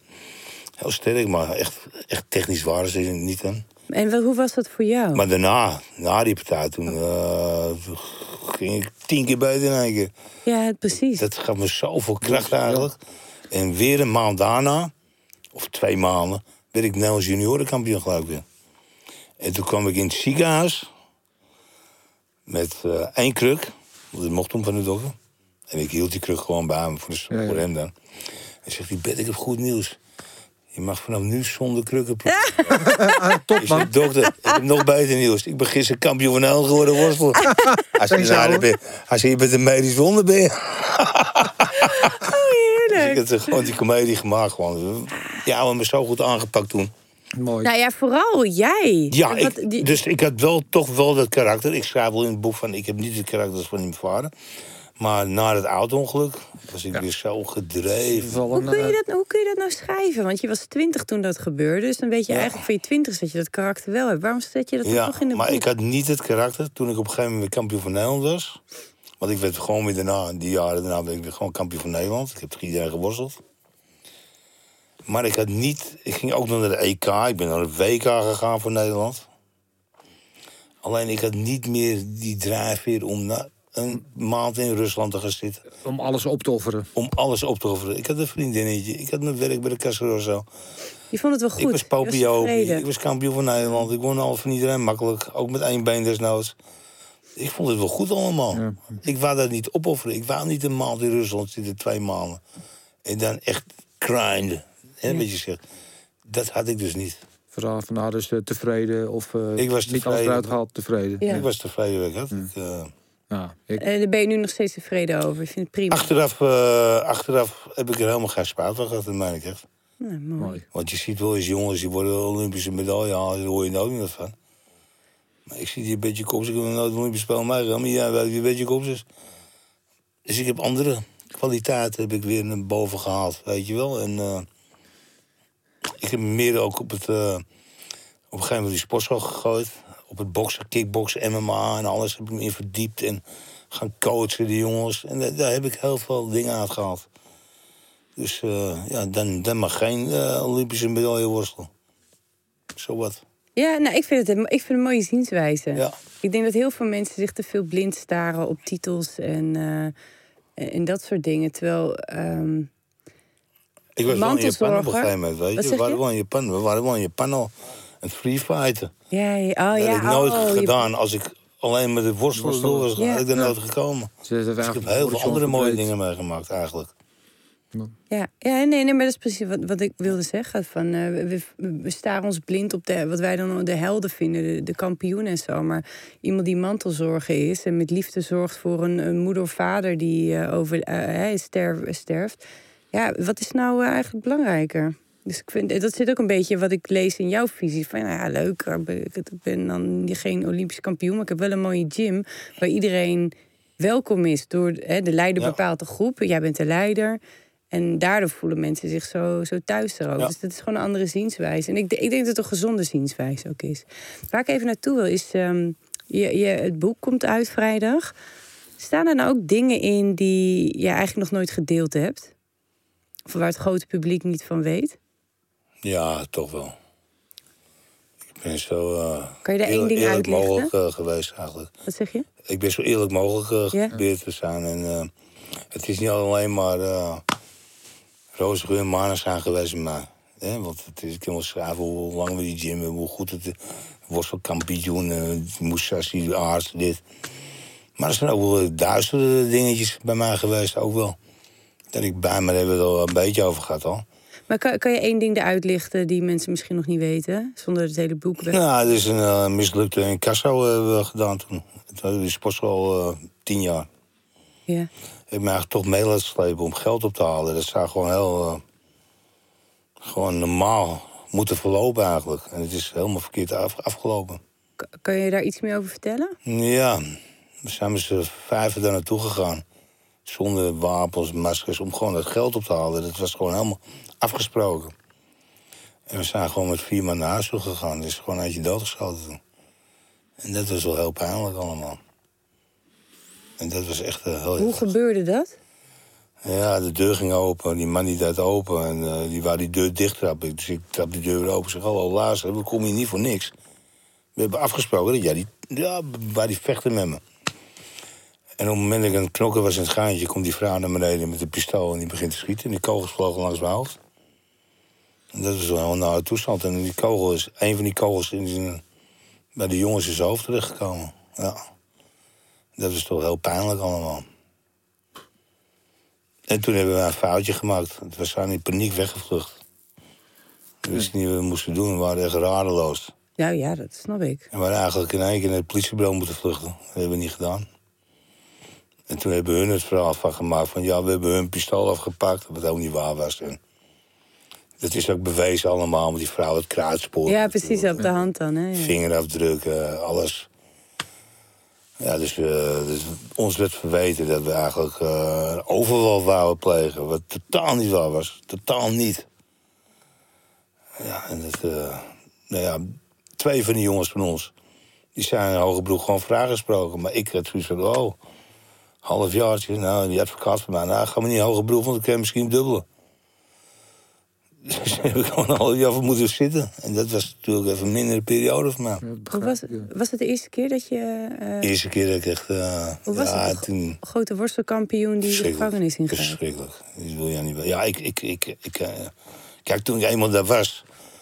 Dan is het recht van de sterkste. En dan maak je er wat van. En dan ben ik gewoon een getapte jongen. En dan eh, ga je leuk doen. Maar als die deur weer deur gaat, dan, dan flip je echt wel. Dan baal je. Dat, eh, wil je niet, dat wil je niet meemaken. Tenminste, ik, ik vond het helemaal niks. Ik hoorde ooit dat iemand omschreef van ehm, in de gevangenis zitten. ehm, als je bijvoorbeeld in een heel luxe hotel zit en je, moet, en je mag daar niet uit, is dat luxe hotel ook niet zo fijn. Dus kun je nagaan, omdat je de horizon niet ziet, want er staan dan eh, muren omheen. Hoe was dat voor jou? Dat je echt opgesloten zat. Nou, ik vond vreselijk. Echt heel erg. Ik, ik droomde ook s'nachts dat ik vrij was. Het is, het is heel raar is dat. En, eh, ja, we hadden natuurlijk die sportschool ook al. Dus ik had het Ja. ook allemaal. Dus ik zeg niet... eh, gelukkig dat mijn familie die heel, heel goed was en die doorging ermee. Maar het was echt... pff, we waren aan het voetballen in die gevangenis. En dan eh, zei zo'n jongen tegen me, wat doe jij dan? Ik zei, nou, ik ben bij een sportschool. Heb hem in die blufferd? Weet je, allemaal kruimeldieven en junkers zaten er. Leugenaars, fantast. En zo werd ik ook bestempeld. Ik dacht, nou, lul me wat. Eh, Hoe, Ik vond het heel pijnlijk, hoor. Dat, eh, dat heeft me echt wel genezen om eh, ooit nog wat te doen wat niet eh, legaal was, weet je? Wat ik mooi vind ook eh, in het boek, wat me opviel, dat inderdaad wat je zegt, ik ben heel eerlijk geweest. Je bent heel openhartig ook op, over dingen waar je misschien zelf niet zo goed eruit komt. Eh, ben je daar toch heel eerlijk over? Dat is iets wat, ja, wat ik denk de lezers ook eh, heel erg eh, zullen waarderen. Ehm, ik wil even, even door, want jij moet volgens mij nog een miljoen andere interviews doen. eh, Ja, ik heb het ontzettend... voor je boek. Het Het wordt een beetje geleid op dit moment. Ehm, ik wil even het velden eh, doen. Afgelopen weekend eh UFC 262. Ik weet, jij als fanaat, heb je vast gekeken ook. Michael Chandler tegen Oliveira. Chandler natuurlijk ook een eh, worstelaar van origine. Wat een wedstrijd, hè? Geweldig, ongelooflijk. En ik kijk heel erg uit naar deze partij ook. Ja. Hij stelt niet teleur. Ook om Harry Hoofd natuurlijk. eh, Michael Chandler is traint bij Harry. En ik, ik wist het echt niet, jongen, met deze partij van tevoren. Ik ben ook om vijf uur wakker geworden weer. Word ik trouwens elke zondag. oh, echt? Elke zondag. Ook omdat ik die partijen op, upload en die zet ik op Facebook. En Ja, ja, ik, ja. Tenminste op ons forum. En half Nederland zit te wachten op totdat ik het eh, erop gooi. Maar ik, ik was, ik denk, ja, ik moet deze partij live zien ook. En ik heb die partij van, eh heet je nou, eh, Tony Ferguson. Ferguson tegen Darius. Ja.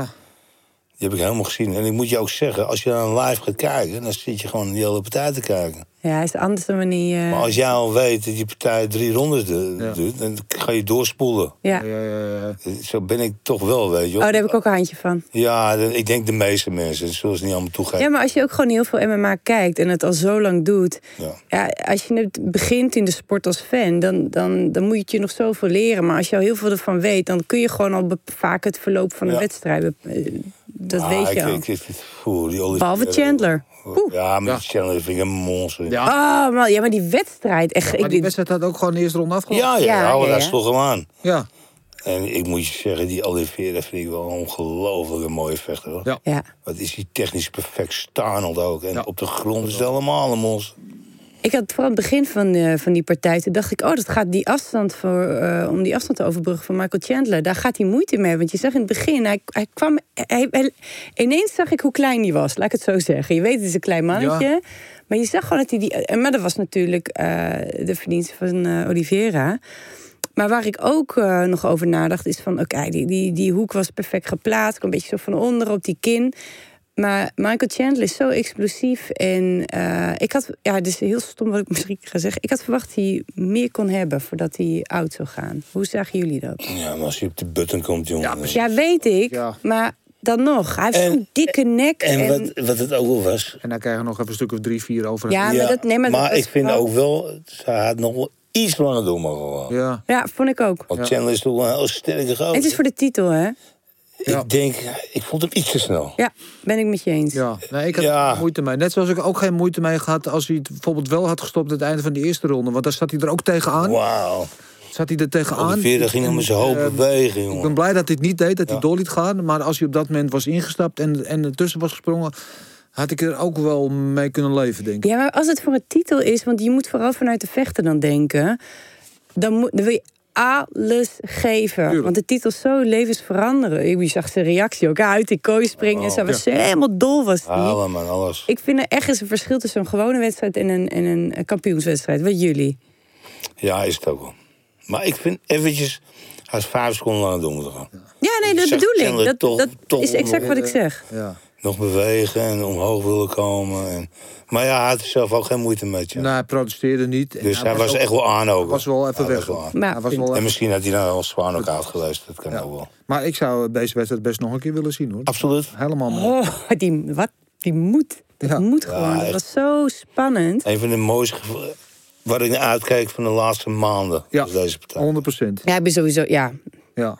Ehm, dus, nou ja, en eh, Tony Ferguson, ja, dat is een, een beetje een triest verhaal. Hè? Ik vind het ook een beetje. Ja. Dat het toch een klein beetje eh, ontmantelt. Een beetje de laatste drie partijen al. Ja. En, eh, Het is eigenlijk op, tot op het punt waarvan je zegt... ze moeten hem tegen zichzelf in bescherming gaan nemen. ja. Nou, Ro- Roemer zei het grappig. Hij is echt van de generatie van Diego Sanchez. Ja, ja maar daar, dat, dat, dat, die lijn wordt ook nu genoemd. Het- Wat gek is, t- twee partijen geleden zou hij nog tegen Khabib gaan vechten. Zat hij op een 12 fight winning streak. Ja. Dat gevecht, de, de MMA-goden waren die slecht gezind. En die is geloof ik acht keer uitgesteld. En waardoor hij uiteindelijk eh, twee verliespartijen achter elkaar...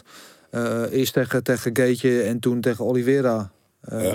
En nu opeens staat hij op het punt om misschien wel gekut te worden door de Ja, UFC. ja maar dat is het UFC zo... Ja, nou ja. Sommige verliezen al vier, vijf keer, die zitten er nog in. Snap je, soms snap je er niet zoveel meer van. Ja, ik denk dat ook een beetje met... eh, Sommigen die, die worden al gekund naar twee verliespartijen, weet je. Ja. Het is een beetje... Ja, maar ik denk ook bijvoorbeeld met de heavyweights... die zullen ze wat minder snel kutten, omdat er wat minder voor rondlopen. Dus, Mhm. hè, en, en als je een hele...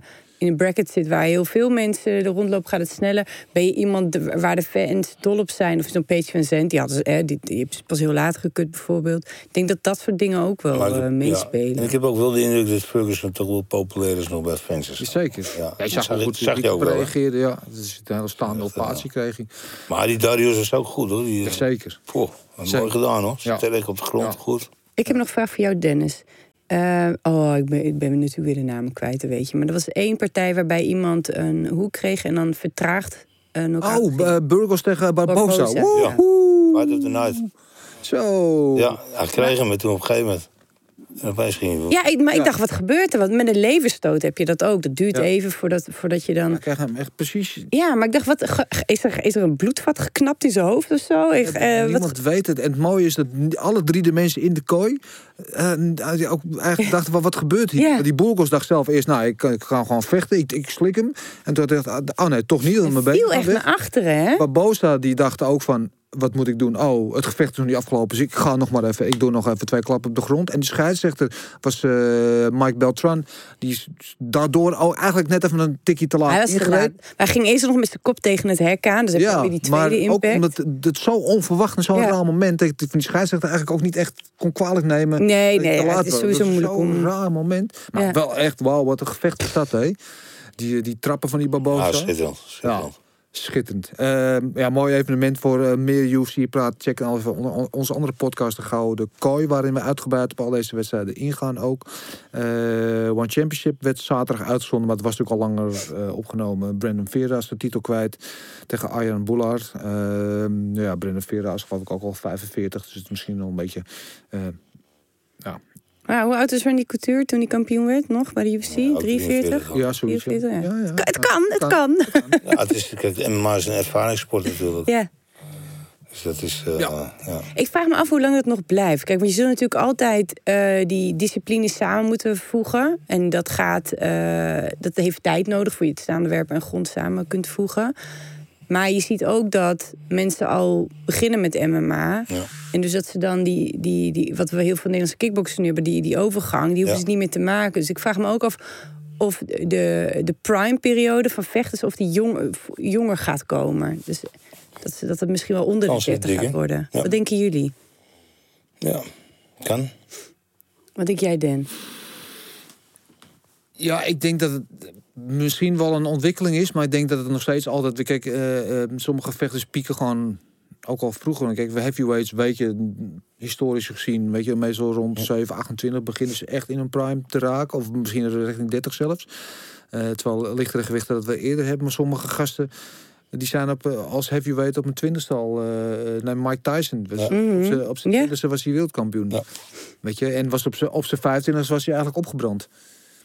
Dus ja, ik denk dat het altijd wel een beetje individueel. Dus je zegt eigenlijk van je hebt een bepaalde eh levensspanne als vechter. Ja. Carrièrespan van een x aantal jaar. En die kan of heel vroeg of heel laat komen. Ja, kijk, Tyson-vechters zijn meestal ook op een 30 opgebrand. Daar hebben ze al 300 partijen Ja, daar, precies. Maar wa- waar, ik het over heb is van de, de, eh, de ontwikkeling van de sport is nu zo dat in het algemeen de vechters pas rond 35, hè, 30, 35, dan komen ze een beetje in een prime. Of, die, of dat eerder naar, wordt, of dat gaat verschuiven naar bijvoorbeeld 25, 30 door de ontwikkeling in de sport. En dan heb je altijd die individu- individuele vechters die natuurlijk eh, vroeg of laat pieken. Mhm. Maar daar, dat vraag ik me dus af. Omdat mensen niet meer als specialist beginnen, maar als MMA beginnen. Wat, wat denken jullie daarvan? Ja, ik denk, denk, dat daar zeker, denk dat zeker wat in zit. Ehm, en ik denk ook wat, wat zeker een rol speelt. Ehm, is dat de, de, de, nou, de trainingsmethode en alles, weet je, wat we nu weten over voeding en afvallen. En Mhm. dit is dat, dat, atleten gewoon fitter en sterker en, en, en daardoor een, eh, een betere en, en ook langere carrière kunnen hebben. Zou het ook gevaarlijker worden? Want als ze fit en sterker worden, gaan ze ook harder slaan. Is er meer impact op het hoofd? Die hersenen, nou, die kun je niet echt trainen, zeg maar. Zou dat ook nog een... eh, Of is het zo van, ja, de mens heeft altijd eigenlijk al wel hard geslagen? Ja. Denk ik wel. En denk, ik, als je ervan uitgaat dat de sport schoner wordt, dat er misschien eh, minder eh, verboden middelen in het spel zijn, dat ze misschien juist wat minder hard slaan. Ja, zo kunnen je. Goeie. Oké, nou, genoeg... eh, Andere discussie. Ja, Eh, eh, de wereld draait door. Afgelopen weekend ook WFL was weer met een pay-per-view evenement. Jay Overmeer tegen Chico Quasi. Mooi, eh, mooie pot. Geweldig mooie hoge trap van Jay Overmeer. Elke jongen die bij jou eh Ja, traint, hè, met eh. Ricardo Ja, Nipte. ja, ja. Eh, en een, even een nieuwtje. Niet zozeer een evenement, maar wat ik toch even genoemd wil hebben. Badr, die eh, op een Instagram-post liet merken dat hij eh, weer Ja, eh, weg is bij Mike. eh, en weer eh, bij Said El Badawi gaat trainen nu. Natuurlijk in aanloop naar zijn wedstrijd eh, op 17 juli tegen Arek Rosjek in Rotterdam. Jouw gedachte toen je dat hoorde? Ja, ik zag het voorbij komen. En, eh nou, Saad is een geweldige trainer. Ja, Mike is ook een geweldige trainer. Ja. Ja, ik, eh, wel, dan weer wel, dan weer niet, dan weer wel. Ik weet niet eh, hoe goed dat is. Of, eh, ik, ik, ja, ik, ik weet het niet. Ik, ik heb er geen mening over eigenlijk. Ik vind het jammer voor Mike. Ja. En ik zou het nog raarder vinden als hij over een maand weer zegt bij een persconferentie... Ja. Mike is mijn trainer. Ja. Dat deed hij toen ook. En Dat hij toen in aanloop naar die partij... ik hoop niet dat hij dat weer doet. Want ik denk niet dat dat eh, echt te goede komt. Ook zijn hoofd natuurlijk. Dat is het, hè. Je moet op een gegeven moment nog keuzes maken. Je moet een keuze maken. En, ik eh, hoop nou, dat Mike dat is niet goed. wil.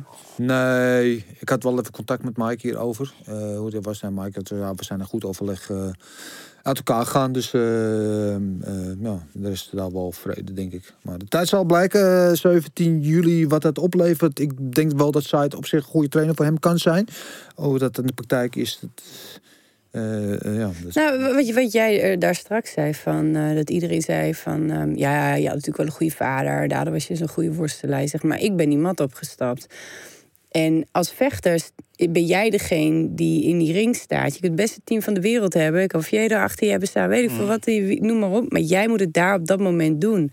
Dus natuurlijk heb je een team om je heen nodig... die jou ook wel naar een bepaald niveau tilt. Maar je moet zelf die volgende treden eh, maken... om eh, een goede prestatie neer te zetten. En het is uiteindelijk Badder die het daar moet gaan doen in de ring. we zullen het zien. Uh, Overigens, die Glorykaart 17 juli begint zich eh, aardig te vullen. Oh, inmiddels.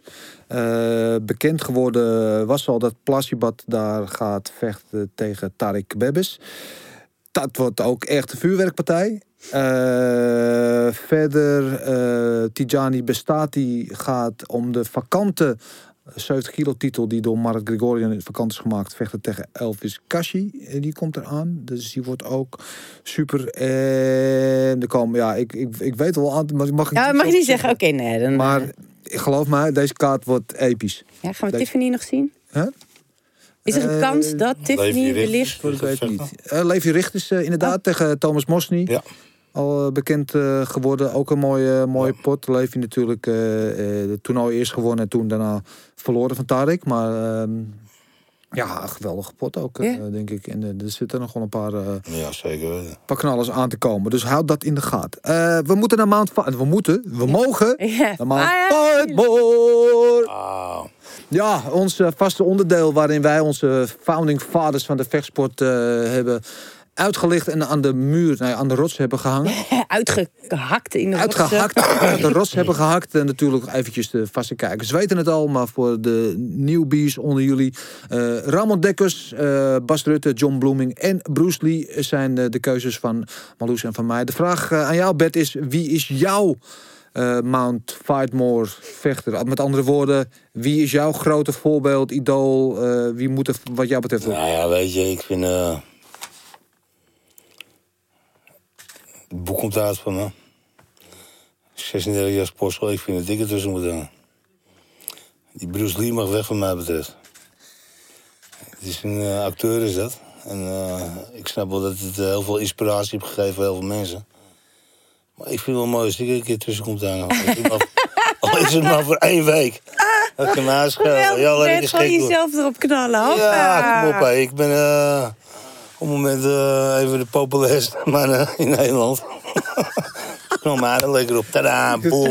Ik, ik reken, ja, Waarom niet? ik reken. Ik dacht dat je vader Ik erop dacht ging ook- zetten. Ja. dacht Ja, Dat maar kijk. Yes, ik heb het goed. Mijn vader is echt een eh, worstelaar en dit en het is wel leuk natuurlijk, maar... Ik zit zondagochtend, daar zit ik wel met mijn iPadje zit ik te ontbijten elke ochtend met mijn vader en moeder. En zit van naast me, oh, ah, dat is sport. Ah, kijk eens slaan. Ah, wat gemeen is dit. Weet je, nou, bij jou hoort er natuurlijk goed erbij. Weet je, dus eh, je mag ook mijn vader ophangen. Oh ja, trek iedereen eraf en jij je vader. Nee, nee, nee, nee, nee. Dan, dan mag je mijn vader gooien. Mooi. Bert Kops komt eh, aan de Mount Fightmore bij deze unaniem besloten. Eh, Ik weer die Ja. passen? Eh, ik wil even heel kort door volgend weekend heen lopen. eh, voordat we naar de socials gaan. Eh UFC Vegas 27. Cody Garbrandt tegen Rob Font. Dat wordt ook, Cody Garbrandt natuurlijk ook een oud worstelaar eigenlijk. Ja. Eh, wordt ook een knaller. Bellator 259 met eh, Cyborg. Cyborg tegen Smit deel 2. Ja, ik weet niet. Ja, oké. Ik vind het altijd leuk om Cyborg te zien vechten. Maakt niet uit tegen wie ze Ja, staat. Je gaat, eh, dit wordt misschien wel minder dan een minuut. Nou oké, Ik wou zeggen, die eerste wedstrijd gaf niet veel aanleiding om dat nog een keer te zien. Maar, eh, Maar dus dat is leuk om te zien. Eh, top rank boxing is er in Las Vegas. Josh Taylor tegen uh, José Ramirez.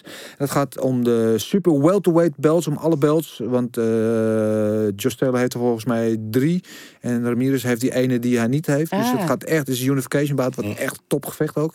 Eh, ja, verder is er van alles. LFA, Invicta eh, en weet ik veel. wat. Dus we kunnen weer eh, vanaf woensdag tot en met zondag, tot de volgende, kunnen we gewoon doorlopend gewoon vechten kijken. Lekker, Lekker, heerlijk. Lekker, heerlijk. Ja.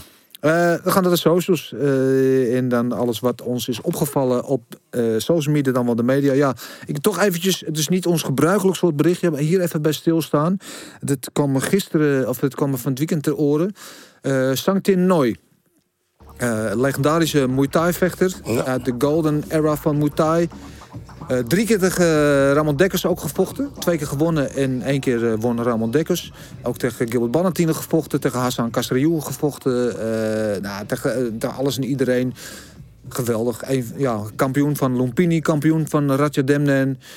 Eh 54 jaar was hij. heeft zichzelf eh, van het leven beroofd. Ah, ik vroeg me af Ja. wat er was gebeurd. Met ja, dat... hij heeft zich door het hoofd geschoten. Oh Ja. nee. Ja, heel triest, maar... ja, het, het, eh, ja, wat ik zeg, de- wat het zo, zogeheten golden era van het Thai-boksen. Dus eh, maar, eh, nou ja, midden jaren 80 tot midden jaren 90 was dat.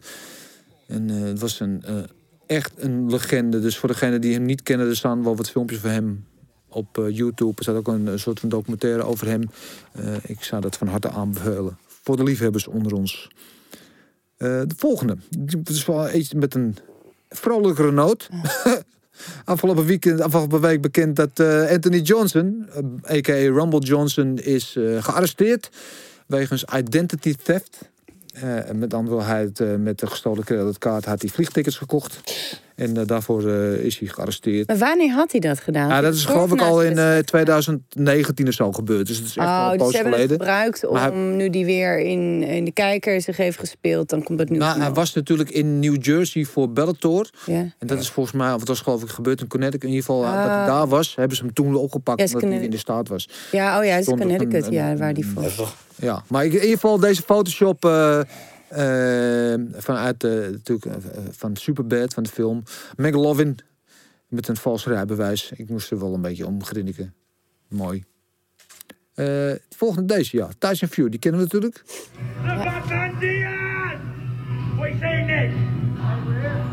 We're working hard. We're coming for all you mother out there.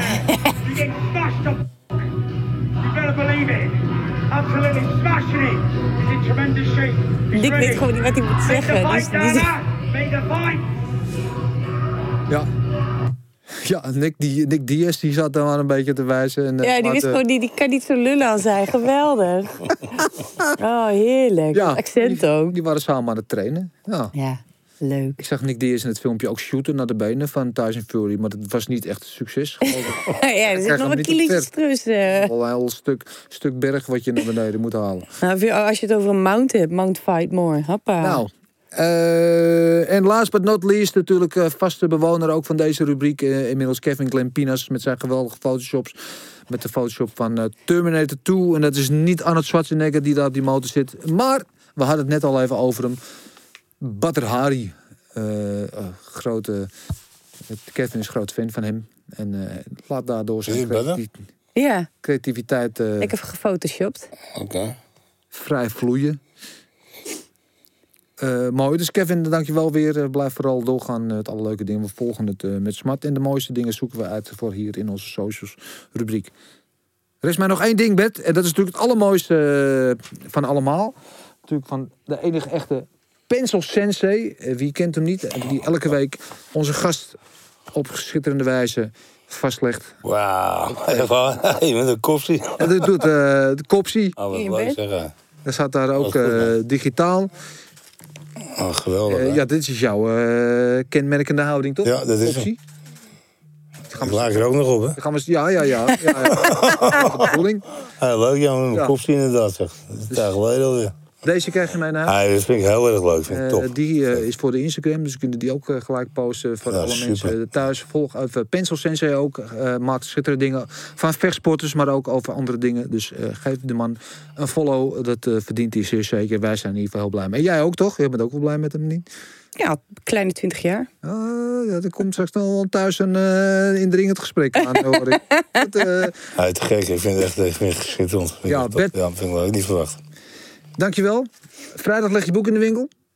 Eh, ja. Zaterdag is het boekpresentatie. Op de sportschool. Dus leuk als jullie komen.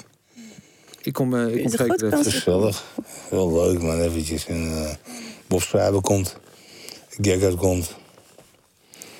Ja, nog veel meer. Schief mag. eh John van Heuvel. Als mensen het leuk vinden om te komen, kunnen ze zich ergens aanmelden. Ja hoor, gewoon komen. Gewoon even, ook, ze hoeven niet te mailen, ze maar gewoon... Nou, gewoon komen en dan moeten ze maar even wachten buiten. En eh, even, gaan we even kijken hoe we dat gaan regelen en zo. Oké, nou, je... grote vriend Hugo is er ook. Oké dan.